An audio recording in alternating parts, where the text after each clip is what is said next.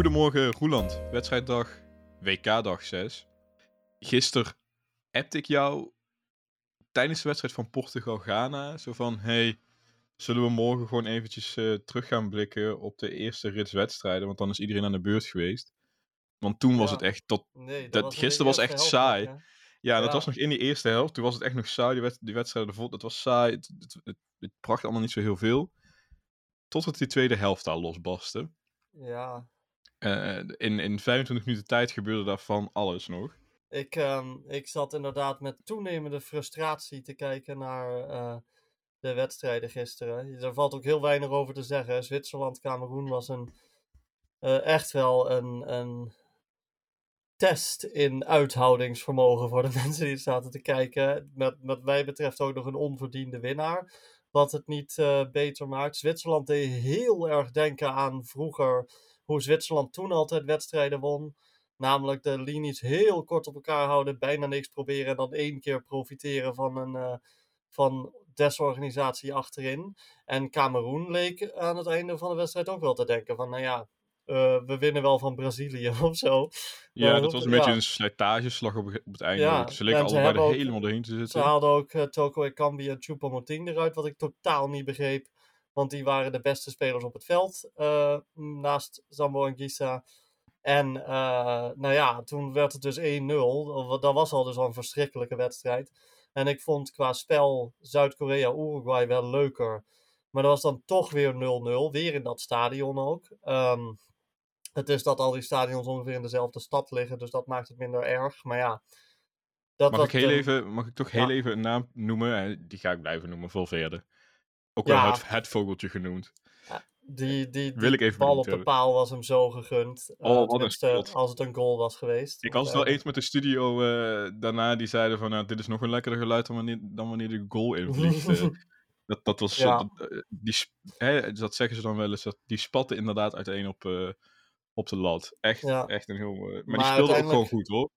Ja, zeker. En Hij speelde ik- echt goed. Het was een beetje een vreemde wedstrijd, want Zuid-Korea was echt wel beter in de eerste helft. In de tweede helft slaagde Uruguay er niet in om de muur van Kim te slechten. Maar waren ze wel de betere ploeg, ja, dan is 0-0 op zich een logische uitslag. En toen na die eerste helft van eh, Portugal-Ghana dacht ik ook van ja, laten we het morgen maar over de hele speelronde in zijn algemeenheid hebben. Want eh, hier hoeven we volgens mij weinig woorden aan veld te maken. Ja, tot als je dat penalty moment kreeg. Vond jij het een penalt- strafschop? Nee, nee. Vond iemand het een strafschop behalve de scheidsrechter? Eh, Ronaldo zelf, denk ik. Ja, en de rest van de Portugese ploeg eh, waarschijnlijk. En Santos.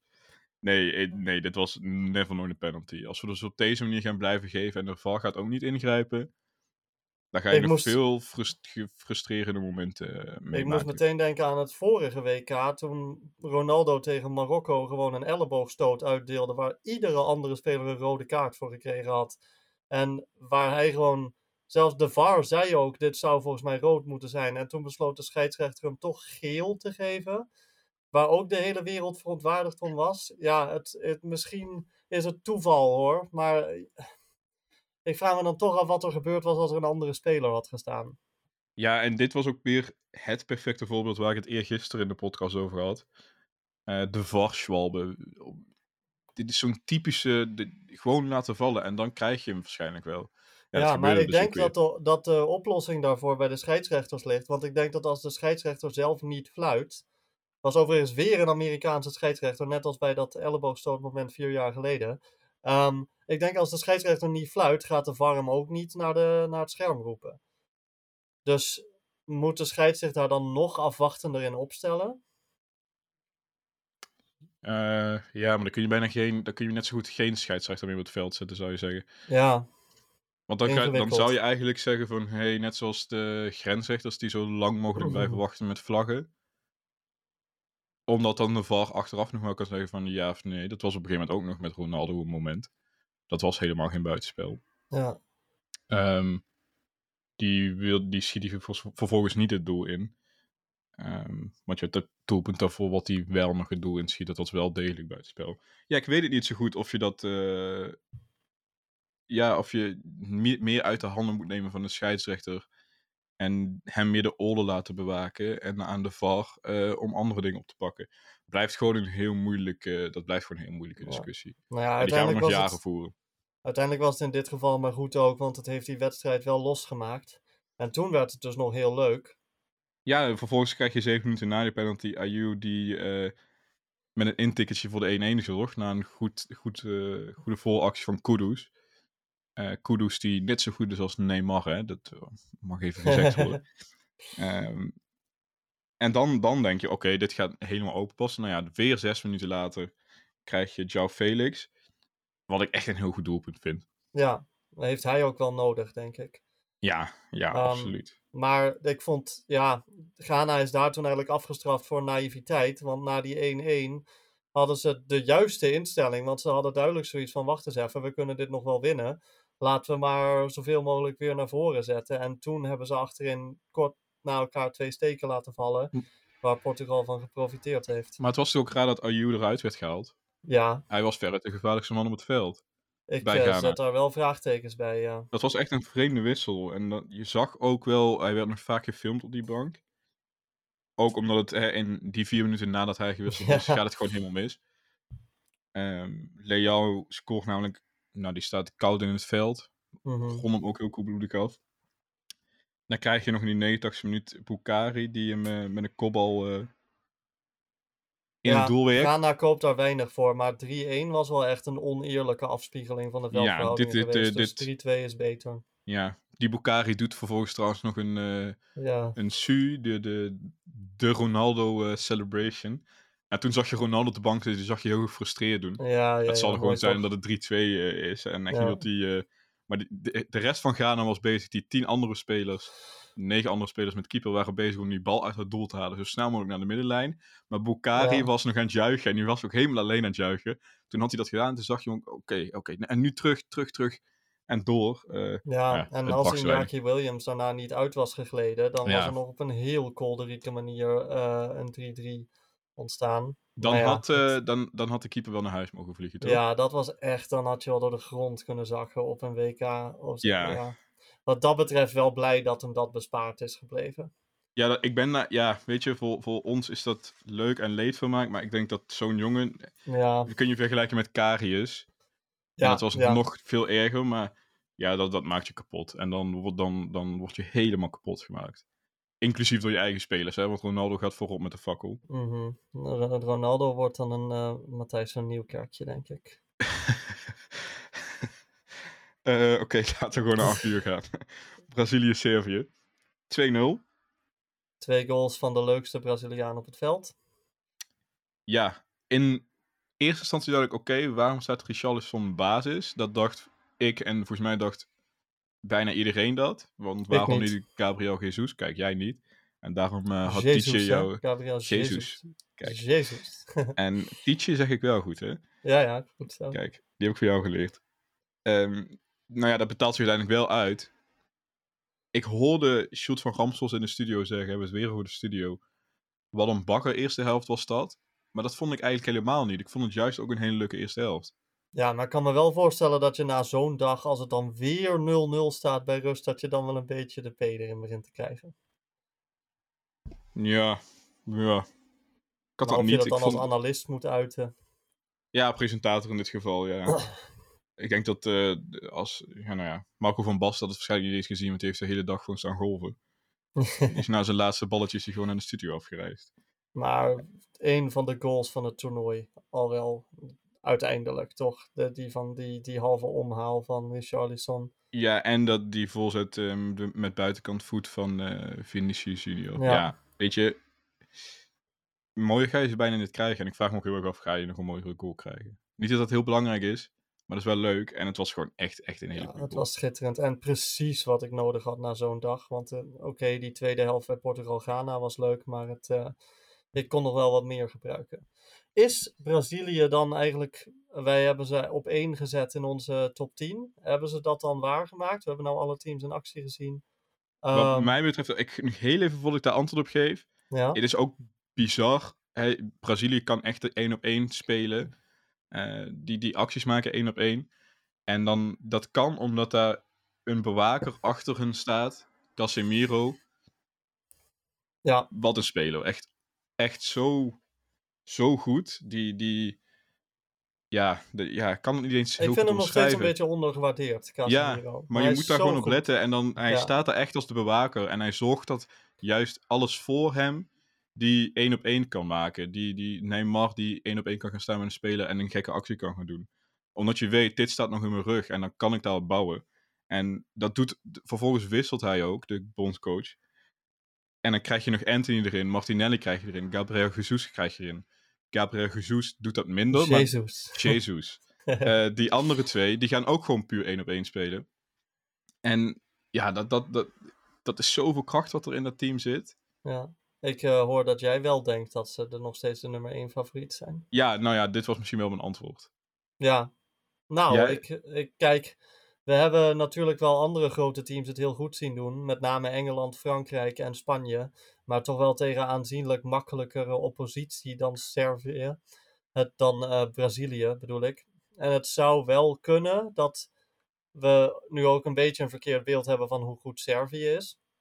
Omdat ze toch tegen Brazilië moesten aantreden. En ik heb eigenlijk vrij weinig van ze gezien die hele wedstrijd. Meer dan een paar speldenprikjes eh, werd het niet. Eh, ik vond dat ze in de verdediging ook vaak te laat waren en veel overtredingen moesten maken daardoor. Maar goed, ze hebben wel lang de nul vast weten te houden. Dus zo slecht was het ook weer niet. Ehm, maar ja, Ik denk ook nog steeds dat Servië tweede gaat worden in deze pool. Ja, dat moet nog maar zien. Ik denk als ik de, de aanvallende flair van Cameroen zie, dan denk ik wel dat, dat die, die verdedigers wel voorbij zouden kunnen steken. Maar ja, dit Brazilië zou ook door die Cameroense verdediging heen moeten dansen. Dus het is een interessante groep. Laat ik dat sowieso zeggen aan het einde van speelronde 1. De pools qua standen zien er een stuk interessanter uit dan ik in veel gevallen verwacht had. Dus het belooft wel leuk te worden de komende dagen. Ja, het staat eigenlijk nog, nog wel open. Eh, persoonlijk hadden wij dus die tien favorieten. Voor mij blijven daar dan nu nog drie à vier absoluut over. En dan dus Spanje, Brazilië, Frankrijk, Engeland. En eigenlijk kun je daar Nederland ook wel weer aan toevoegen. Ja. Tegenvallers zijn dan toch weer Argentinië, eh, vooral België, Denemarken, Kroatië. Kroatië En hadden we nu Duitsland natuurlijk tien staan. En Duit, ja, Die zou ik een beetje daar tussen zit die ik. twee Ja, ik zit daar. in Ja, want ik was hier gisteravond nog eh, even mee bezig. Toen ik, ja, ik ga niet Duitsland bij de tegenvallers zitten. Want dat. Ja. En Ja, misschien het is was een onterechte uitslag. terecht, hoor. Want Argentinië was in de eerste helft scoorden ze ook gewoon vier keer. ja, maar ik heb bij Argentinië wel dat ik veel duidelijker een mankement kan aanwijzen dan bij Duitsland. Want Ja, ik nou, denk dat. Argentinië. ehm, ik, heb, ik heb nog eens eh, verschillende beelden van die wedstrijd tegen Saudi-Arabië teruggekeken.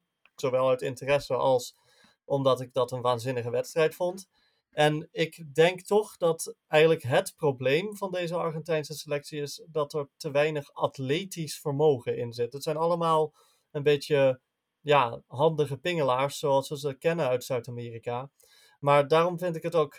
Daarom kan ik me ook best wel voorstellen dat ze het nou tegen Mexico en Polen opeens heel goed gaan doen. Maar dat een supersnelle, super fysieke Usain Bolt-achtige selectie als Saudi-Arabië ze gewoon ja, eruit loopt. En je kan geluk hebben daarmee dat Saudi-Arabië de eerste en de laatste fysiek ingestelde ploeg is die je in het hele toernooi gaat treffen. Maar het is niet zo makkelijk om daar iets aan te doen. Ehm, terwijl bij Duitsland heb ik dan meer van, ja, ze hebben ook wel gewoon heel erg veel pech gehad tegen Japan. Ja, daar zat pech bij. Daar was, het is, ja, natuurlijk, op een gegeven moment was dat middenveld, dat stortte een beetje in. Misschien ziet Hansi Flick nu ook Gundogan en Kimmich tegelijk op het veld. Moet je misschien niet doen en gewoon Gore- Goretzka in plaats van Gundogan. Want Kimmich altijd laten staan trouwens. Ja. Ja, ik vond, ik kan ze niet per se bij de tegenvallers zetten. En natuurlijk horen ze er waarschijnlijk wel bij, want de kans dat ze van Spanje verliezen is aannemelijk. Of gelijk spelen en ook bij gelijkspel, dan is het eigenlijk wel klaar. Ja, maar dat is dus het rare, want van die tien favorieten die wij hebben aangewezen, vond ik Duitsland zeker niet de slechtste. Maar Nee. het is wel zeker van de tien de ploeg die op dit moment het minste kans maakt op de wereldtitel. Ja, kijk, ze hadden beter die eerste wedstrijd tegen Spanje kunnen hebben, daarvan verliezen, dan erachter komen, oké, het moet anders. En dan is jouw kans om gewoon nog wereldkampioen te worden aanwezig. Nu verlies je van Japan. Japan gaat, nou ja, in 9 van de 10 gevallen gewoon winnen van Costa Rica. En dan moet je het zelf nog maar zien te doen tegen Spanje. Ik heb ze trouwens wel nog eh, op een 2-3 overwinning gezet tegen eh, Spanje. De Duitsers. Dat zou de pool echt heel leuk maken. Ja, want dan krijg je dus eh, Japan op zes punten. Ja, Spanje en Duitsland op drie. Dan heeft Spanje een gigantisch doelsaldo natuurlijk nog steeds. ja maar Spanje maar die moet moeten dan tegen tegen Japan. En Duitsland mag tegen Costa Rica aantreden. Ja, dan wordt het echt fantastisch. Ja, dat dan wordt echt eh, genieten die laatste, die laatste wedstrijd. Wedstrijden. Dus ik hoop heel erg, zondagavond spelen ze hè, om, eh, om acht. Ja, daar kijk ik echt heel erg naar uit. Want ik hoop gewoon echt dat Duitsland daar kan laten zien waarom ze echt wel goed zijn. Ja, En dan, eh, ja, met, in ieder geval winnen. En dan, ja, dan gaat het echt fantastisch worden. Als Japan dan ook nog verliest, prima, dan blijft die pool even goed heel erg spannend. ja. Maar dat, sterker nog, nog spannender. 3-3-3-3. heb je Maar. Japan gaat niet verliezen van Costa Rica. Nee, dat denk ik ook niet. Ehm, zijn er eigenlijk nog landen van buiten onze top 10 die zich gemeld hebben als potentiële outsider, of gaat dat ook ver? Nee. Voor mij persoonlijk op dit moment niet. Ik heb daar te weinig eh, tegenvallers voor gezien. En te weinig eh, echt indrukwekkend voetbal. Maar dat kan nog steeds wel liggen aan dat hele dingetje. De eerste poolwedstrijd. Ja, ik denk wel dat dit een WK is met een heel grote grijze middenmoot. Met echt maar heel weinig ploegen die slecht zijn. Eh, daar zou ik Qatar, Costa Rica en misschien Australië onderscharen. Ehm, zelfs Iran, al verloren ze met 6-2, de- lieten nog best wel mooie dingen zien. Maar er zijn ook weinig ploegen waarvan ik echt meteen denk van, nou, daar, daar, daar win je niet zomaar van. Of zo, snap je? Dus er zijn volgens mij heel veel ploegen die een beetje daartussenin zweven ergens. Ja, eh, Ecuador was natuurlijk degelijk. Eh, ik vond Senegal tegen Nederland niet slecht, maar ja, die verliezen wel. Dus kun je daar, die kun je daar nu niet onderscharen. Ehm, ik zit een beetje door mijn notities heen te bladeren. Ik, ik heb dat niet echt. Ja, Japan. Ja, nou, vind ik een goeie om dan aan te wijzen. Die gaan natuurlijk geen wereldkampioen worden, maar Nee, maar die kunnen echt nog wel. dan moet je die, ik ga daar niet gek van opkijken. En natuurlijk, dat, daar ga ik sterker nog ga ik voor juichen bijna. Als die een kwartfinale gewoon bereiken. Het mooiste zou eigenlijk zijn, kijk, als België dan toch de volgende ronde moet halen, dan hoop ik eigenlijk dat ze weer tegen Japan moeten en dat Japan dan wraak neemt voor wat er vier jaar geleden gebeurde. Wat daar vier jaar geleden gebeurde. Nou had Japan dat natuurlijk toen ook wel aan zichzelf te danken. Nee, zeker, zeker, dat zelf maar weg. dat is, blijft een mooi verhaal. Ja, dat blijft een heel mooi verhaal. Dat blijft ook een mooie wedstrijd. Dus dat zou hartstikke leuk zijn dat die tegen elkaar aantreden. Ik hoop ook heel erg dat Argentinië gewoon nog doorgaat. Tweede wordt in die pool. En dan gaan ze tegen Frankrijk aantreden. Ja, Ja. In, die, in een achtste finale. Twee topfavorieten. Ja, dat, dat, dat, dat zou ook wel genieten worden. Maar goed, we, we hebben nog twee poolwedstrijden te gaan. We zijn eh 25% van het WK onderweg. We hebben 25% al achter ons. Een vierde is al geweest. Terwijl je het gevoel hebt dat we pas net begonnen zijn. In die 25%, welke spelers vielen je op?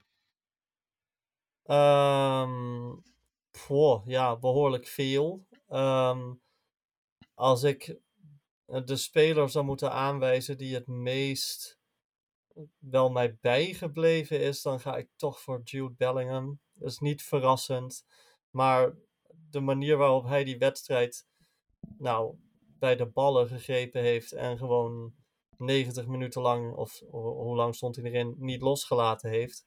Ja, dat voor iemand van zo'n leeftijd, dat is toch wel waanzinnig hoor.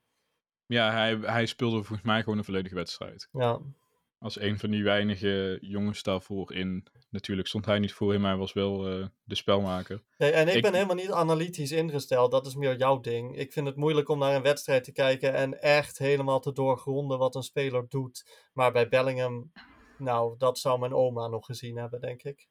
Ja, je ziet gewoon gelijk dat team gaat om hem heen draaien. Dat zag je bij Musiala ook. Dat pakte iets minder goed uit, maar dat kwam omdat Musiala nog wat druisig was. Dat gaat nog komen. Ik hoop echt dat het tegen Spanje komt. Ehm, Bellingham had ik namelijk ook als eerste opgeschreven. Ja, je ziet, je- dat, dat, dat zie je gelijk. Ja, Ehm, verder viel mij Gavi in positieve zin natuurlijk op. Spreekt voor zich, denk ik. Guardiol heb ik al een paar keer genoemd nu. Echt een. Het, het bleef 0-0 in die wedstrijd. Kroatië was niet heel indrukwekkend. Marokko was niet heel indrukwekkend, maar Guardiol wel. Net zoals Ja. Amrabat. Ehm Valverde, nou ja, mijn favoriete speler dit WK. Eh, aan de voorhand van het WK en nu nog steeds. een heel ander soort speler die eh, mij in zeer positieve zin bevallen is, is Olivier Giroud.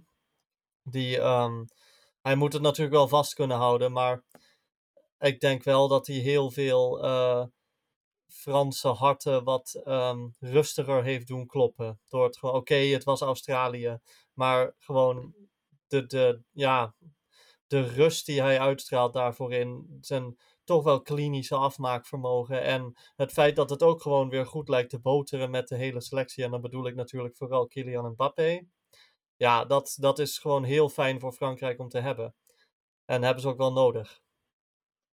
Ja, eh, je moet dat, je verwacht dat niet van hem, maar eigenlijk moet je het wel gewoon verwachten, weet je. Ja. Dat, zo, dat, ook zo gek is dat helemaal niet, dat hij er gewoon weer staat. Want hij blijft ook maar naar grote clubs gaan. En dan zijn er allemaal van die fans die zeggen van, ja, ik, ik snap het niet, wat moeten we nou met Giroud? Maar ja, er is een reden dat grote clubs hem blijven aantrekken. Want hij is gewoon heel belangrijk voor, voor een ploeg. Ja, um, Leao viel me gisteren ook nog op. Die viel maar kort in natuurlijk, maar hij laat wel gelijk zijn klasse zien. En hij kreeg natuurlijk ook op, op zijn wenken bediend, dus hij moest alleen nog afronden. Dat doet hij vervolgens heel goed. Die gaat helaas geen enkele keer basis spelen, dat weten we nu al. Uh, door Ronaldo. Maar die, ja, dat, daar kon ik wel gelijk van genieten. Uh, Johnston van Canada. Oh, een interessante. Montreal. Ja, maar die, die, hij is, eh, op die rechtsback-positie. Wij, ik zat dat met vrienden te kijken, um, die wedstrijd België-Canada. En eigenlijk noemden wij de hele tijd ook Davies. En die zag je weer dartelen over dat veld. Maar die Johnson die bleef ook maar gaan en gaan en gaan.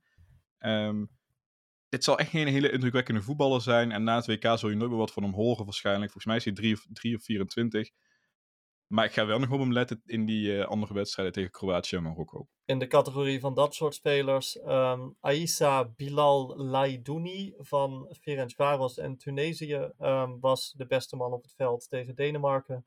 Uh, hij was volgens mij die speler die meteen in de tweede minuut het publiek uh, aanspoorde om achter ze te gaan staan. En hij heeft echt nou, eigenlijk alles gedaan in die Voor dat soort spelers heb ik altijd wel een uh, zwak, die met het publiek interactie gaan hebben. Tambakti van Saudi-Arabië. Een van de weinige, samen met uh, rechtsbuiten, als ik het goed heb, de enige speler die niet bij dezelfde club speelt van die hele basiself. Ja, klopt. Die maakte een uh, hele sterke indruk. Die zette ook nog die tackle in op Messi op het laatst. In het strafschopgebied. Viel mij ook nog op, ga ik in de gaten proberen te houden. En ik had dus... Ochoa toch nog even. Ja, natuurlijk. Ja, natuurlijk. Uh, de, oh, ik zag een tweetje voorbij komen en dan noemde iemand. Uh, Ochoa is wat Mariah, Mariah Carey is voor kerstmis, zeg maar. en daar was ik het wel mee eens. Ja, dus inderdaad, je ziet hem alleen met het WK weer komen en over vier jaar, over acht jaar toch weer. En dan is hij, wel, dan is hij intussen Abraham. En dan staat hij toch wel weer ergens dan vast als de Frans Hoek van Mexico of zo. En uh, als er dan een penalty moment is, dan mag hij invallen ja, maar goed als je hem noemt, want ik was hem uh, vergeten, maar ja, blijf noemenswaardig. Toch ook even de flopjes. Begin ik met uh, de speler die slomer is dan blind op het veld, gemeten over de eerste wedstrijd. En die gisteren me een bizarre uitspraak deed, Hazard. Ja. Die moet een beetje aan zijn PR werken. Nou ja, die moet gewoon zijn bek houden eigenlijk, toch? Ja, dat is jij, jij, jij verwoordt het uh, direct hoor. Ja. ja, voor de duidelijkheid, hij had gezegd van uh, ja, ik zou willen dat Duitsland dat statement niet gemaakt had. Want ik voel me er niet comfortabel bij om over dit soort dingen te praten, want ik ben hier om te voetballen.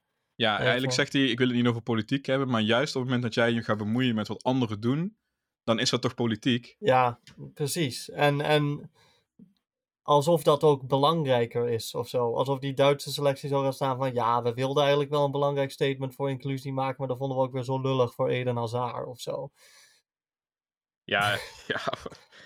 ja. Maar qua voetbal was hij inderdaad ook verschrikkelijk. Ja, ehm, dat kan gewoon niet. Ik snap ook niet dat hij Trossard viel in. En die liet eigenlijk al in die minuten zien dat hij speelde. Dat waren er 25, denk ik. Liet hij al gelijk zien waarom hij gewoon basis hoort te staan en niet Hazard. Ja, ja kan um, Wie was bij Argentinië de grootste flop?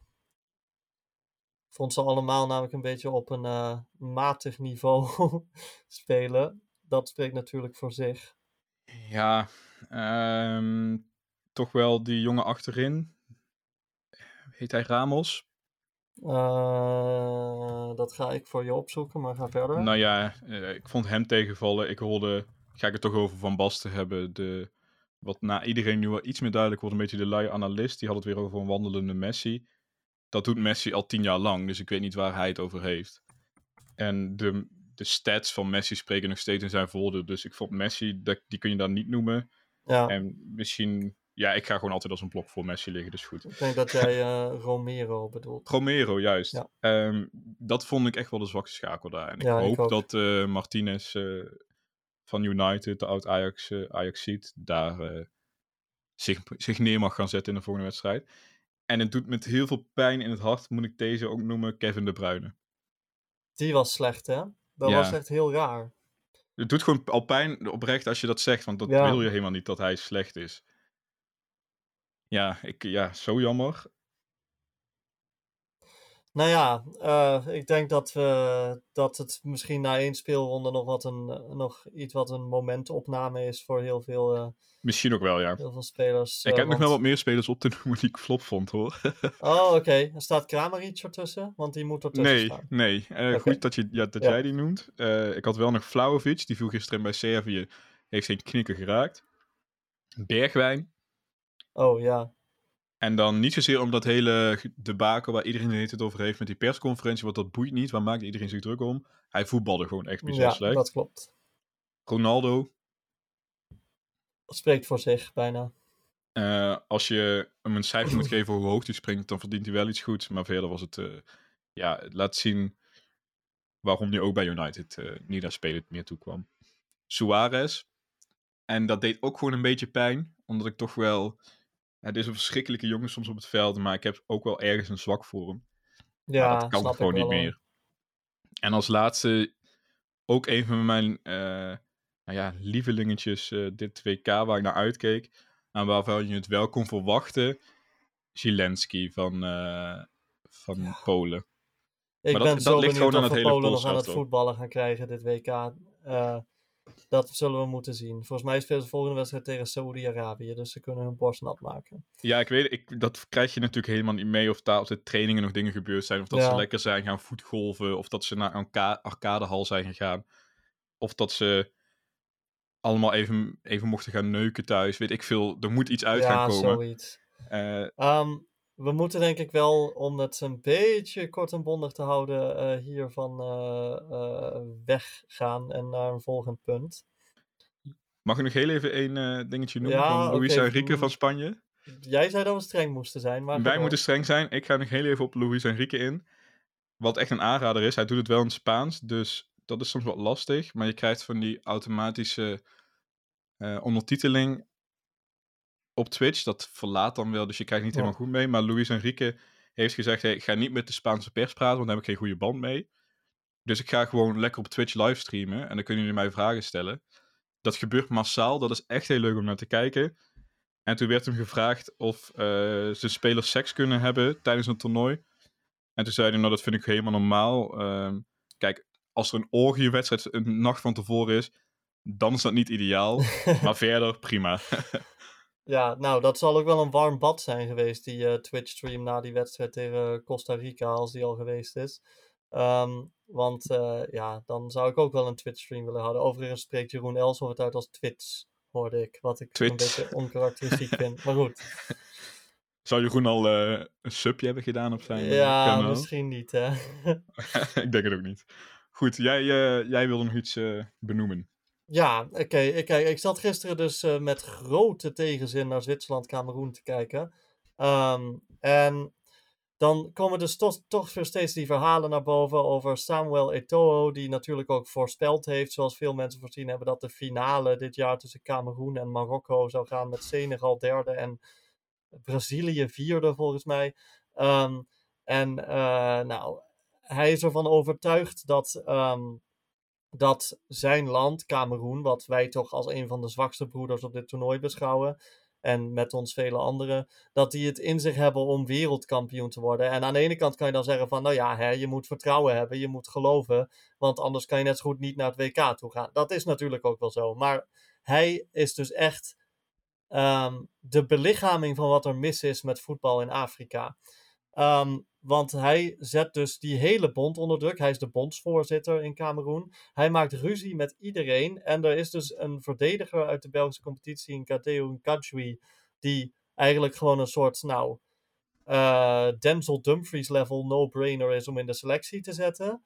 En die is dus niet in de selectie beland. En het gerucht gaat dat dat is omdat hij dus tegen Eto'o gezegd zou hebben van gast, laat ons nou maar even. Je hoeft ons niet de hele tijd zo onder druk te zetten. Want uh, laat Rigobert Song, de coach, gewoon zijn ding doen. En dan gaan we, ons best, gaan we er het beste van maken. En dat dat dus de reden zou zijn volgens de Cameroense media. Dat hij dus uit de selectie gedwongen zou zijn door Eto'o. En het, dat is, dit gebeurt zo vaak met Afrikaanse teams op, WK, op WK's. Um, in 2014 was het weer Cameroen die weigerde zelfs om af te reizen naar het WK tot een halve dag van tevoren, omdat ze niet uitbetaald kregen. Wat ik op zich wel terecht vind. Maar dat is ook weer zo'n relletje. Toen, in, uh, toen gingen ze ruzie maken met elkaar op het veld. Ghana had het op datzelfde toernooi, waardoor drie sterspelers in de laatste wedstrijd niet eens meer opgesteld zijn. En er gebeurt gewoon, er is gewoon zoveel gedoe. Je had dat hele gebeuren met Mohamed Salah vier jaar geleden, dat hij eigenlijk vooral als promotiepop werd gebruikt voor, het, voor de Tsjetsjeense regering. En dat, er, dat het helemaal niet boterde in die selectie. En ik denk toch wel dat die hele. Hè, we horen al jaren van een Afrikaans land gaat ooit wereldkampioen worden. Wat ik ook wel denk, maar dat is ook iets heel makkelijks om in te geloven. Want de toekomst is oneindig, om het maar even zo te zeggen. Um, maar ik, ik heb toch het idee dat er veel te veel druk op de schouders van die spelers wordt gelegd. Als ik nou kijk op wat voor eerste speelronde Afrika gehad heeft, dan is het eigenlijk nog niet eens zo heel slecht. Ze hebben weliswaar maar twee goals gescoord en die kwamen allebei van Ghana. Maar ze hadden ook wel allemaal moeilijke wedstrijden en toch twee punten eruit gesleept. Dus het kan nog allemaal.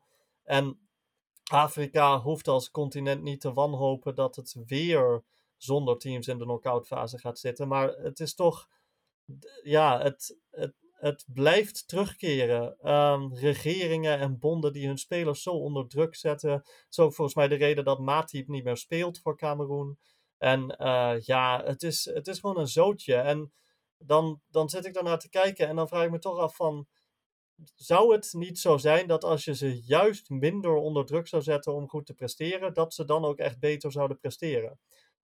Ja, dat vind ik lastig en, en jammer om te zien, want het is toch een globaal evenement waarop je eigenlijk alle continenten eigenlijk het goed wil zien doen op een bepaalde manier. En Azië doet het fantastisch, maar Afrika valt toch weer terug in diezelfde patronen. En volgens mij gaat dat wereldkampioen worden nooit lukken als ze dat niet loslaten. Weet je wat er zo zonde aan is? Dat zulke figuren zich daar altijd mee moeten bemoeien, zoals in dit geval zo'n E2O. Ja. Dat, dat maakt het dat maakt het zo jammer, want inderdaad, wat jij zegt, er komt een bepaalde druk op die spelers en die storten vervolgens in. Want er zit wel degelijk voetbal in al die teams. Er zit goed voetbal in Cameroen, daar ben ik echt van overtuigd. Ja. Maar het moment dat jij. Vlaag ook wel zien tegen ja, dat, ja, zeker. Vooral dat eerste kwartier, dat golfde op en neer. Toen was het nog een leuke wedstrijd. Ja, dat, dat zo'n figuur, um, en in meerdere gevallen figuren, eigenlijk uh, goed in het eten gooien. En dat gewoon ook niet zien, hè? Gewoon niet zien. En wat ik daar dan heel jammer aan vind, dat creëert ook heel veel cynisme rondom vooral Europese landen, die dan een beetje cynisch worden over dat Afrikaanse voetbal. Ja. En wat denigerend worden. En ik, word dat, ik merk dat bij mezelf ook. Ik word daar een beetje. Nou, ik word lacherig van. Dat had je in de Af bij de Afrika Cup begin dit jaar ook. Door op een bepaald niveau van scheidsrechters en zo. Ga je, Word je gewoon cynisch om heel zo'n toernooi. Terwijl er wel degelijk goed voetbal tussen zit. Ja, er is een, een bepaalde mate van paternalisme vanuit met name Europese landen tegenover Afrikaanse tegenstanders op dit soort toernooien. En um, daarom, ik ben ook altijd heel erg voor de Afrikaanse teams. Ik heb voor alle vijf de Afrikaanse ploegen toch wel stiekem een beetje zitten juichen. Zelfs Senegal dacht ik van, nou, als we dan toch ergens punten tegen moeten laten liggen, doe dan maar Senegal. Maar um, ja, het is gewoon, ik hoop dat ze dit ooit los kunnen laten en dat ze zich kunnen organiseren. En, en dan geloof ik er ook echt in dat Afrika een serieuze force to be reckoned with kan zijn op zo'n toernooi. Dus dat wilde ik even aankaarten. En terecht.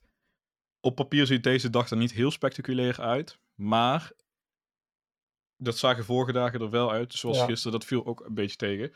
Dus wie weet wat het ons gaat brengen. Wales-Iran over eh 40 minuten. Ja, dus, eh, we zien wel. Ja, daar ben ik niet zo... Dat vind ik de Nee, minst interessante van allemaal. ja, nou, om twee uur Qatar-Senegal. Als we dan toch de eerste Afrikaanse overwinning, eh, als we dan toch op wachten, dan hoeven we denk ik niet al te lang te wachten. Want je zou toch moeten verwachten van de Afrikaans kampioen, ook zonder Mané, dat ze dit wel in de tas hebben. Ja, dat verwacht ik ook wel. Om vijf uur vanzelfsprekend Nederland-Ecuador. Met, naar het schijnt, Timberbasis in plaats van de licht. Met Gakpo een linie naar voren, Jansen eruit en Klaassen op 10. Ja. Persoonlijk ben ik niet zo'n hele grote fan van Klaassen, maar in principe- Ja, de, eh, Van Gaal bagatelliseerde dat wel een beetje. Van, dit is wel een moeilijkere tegenstander Ja, dan dat ja, Senegal is. als je iets op het WK niet moet doen, is het eh, dingen gaan lopen roepen als, oh, dan willen we even met, winnen we wel even met een nulletje of acht van. Want dat is in de geschiedenis niet waar. goed uitgepakt. En dat heeft coaches toch voorzichtig gemaakt. Eh, maar wat mij betreft eh, is Senegal, is, doet Senegal helemaal niet onder voor Ecuador. Misschien in aanvallend opzicht een beetje, maar zelfs dan is die Enner Valencia eigenlijk de enige echte, eh, het enige echte gevaar dat ze daar weten te brengen. Kom op, Louis, een beetje vertrouwen hebben kan wel. Daar winnen we echt makkelijk van. En drie uurtjes later om acht uur Engeland-Verenigde Staten. De dag na Thanksgiving. ehm, Oh ja, eh, inderdaad. eh, ja, dat, is, dat wordt wat. Dat is natuurlijk de leukste wedstrijd van allemaal. Maar ik denk wel op basis van de krachtverhouding in de eerste speelronde dat het misschien niet zo'n spannende wedstrijd gaat worden. Nee, ik verwacht persoonlijk best wel gewoon een solide 2, eh, 2-0 van Engeland. Ja, Waarin je even goed wel een leuke wedstrijd ziet, maar waarin Bellingham gewoon weer laat zien wat hij kan. Ik ben benieuwd of, ik heb dat niet meer meegekregen, of Kane kan gaan spelen, maar dat gaan we vanzelf zien vanavond. Even voor de goede duidelijkheid, wij zijn er, voor de goede orde bedoel ik. Wij zijn er maandagochtend pas weer, we hebben, wij, in het weekend nemen we niet op. We hebben dan ook andere verplichtingen. We kijken wel zoveel als mogelijk. Ja, Jij in ieder geval alles, eh, ja. alles. eh, ik probeer zo goed als alles te kijken. Maandagochtend zijn we er dan weer. Dan bespreken we zowel deze dag, de zaterdag en de zondag. dus dat wordt wat langer. Ik denk dat we er wat langer eh, uit gaan komen. Ligt ook een beetje aan de wedstrijden. We kunnen ook wat dat betreft gewoon wedstrijden gewoon even de uitslag goed noemen. Ja, En daaraan voorbij gaan. Maar voor hetzelfde geld eh, krijgen we twaalf wedstrijden die allemaal om eh, van te snoepen zijn. ja en dus- als, ook, wel- ook als dat niet gebeurt, dan zullen er vast buiten het veld wel weer 600 dingen gebeuren. En allemaal relletjes en zo. Ja, Dus het is niet van niets weekend. eh, we hebben het ook, ik heb het ook helemaal niet meer gehad over de verslaggeving van de NOS. Waar ik wel daar gaan aan we het te later nog wel over hebben. Ja, Ja. zeker. En daarmee doel ik op wat er wordt gebracht qua nieuws over Qatar. Want gisteren was er wel weer een kleine reportage over de zeecontainers waar dan Nederlanders in slapen. Maar op The Guardian verschijnt dan wel weer een artikel over bijvoorbeeld hoe eh Qatari na het WK kunnen kijken op een speciale fanzone puur voor die arbeidsmigranten. Ik zie daar helemaal niets van voorbij komen bij de Ja. NOS. Maar goed, gaan we het later over hebben. Misschien op een rustdag. En misschien gaat de NOS nog wel iets uit de hoge hoed toveren. Roland bedankt, jij bedankt voor het luisteren en eh, tot maandag. Tot maandag.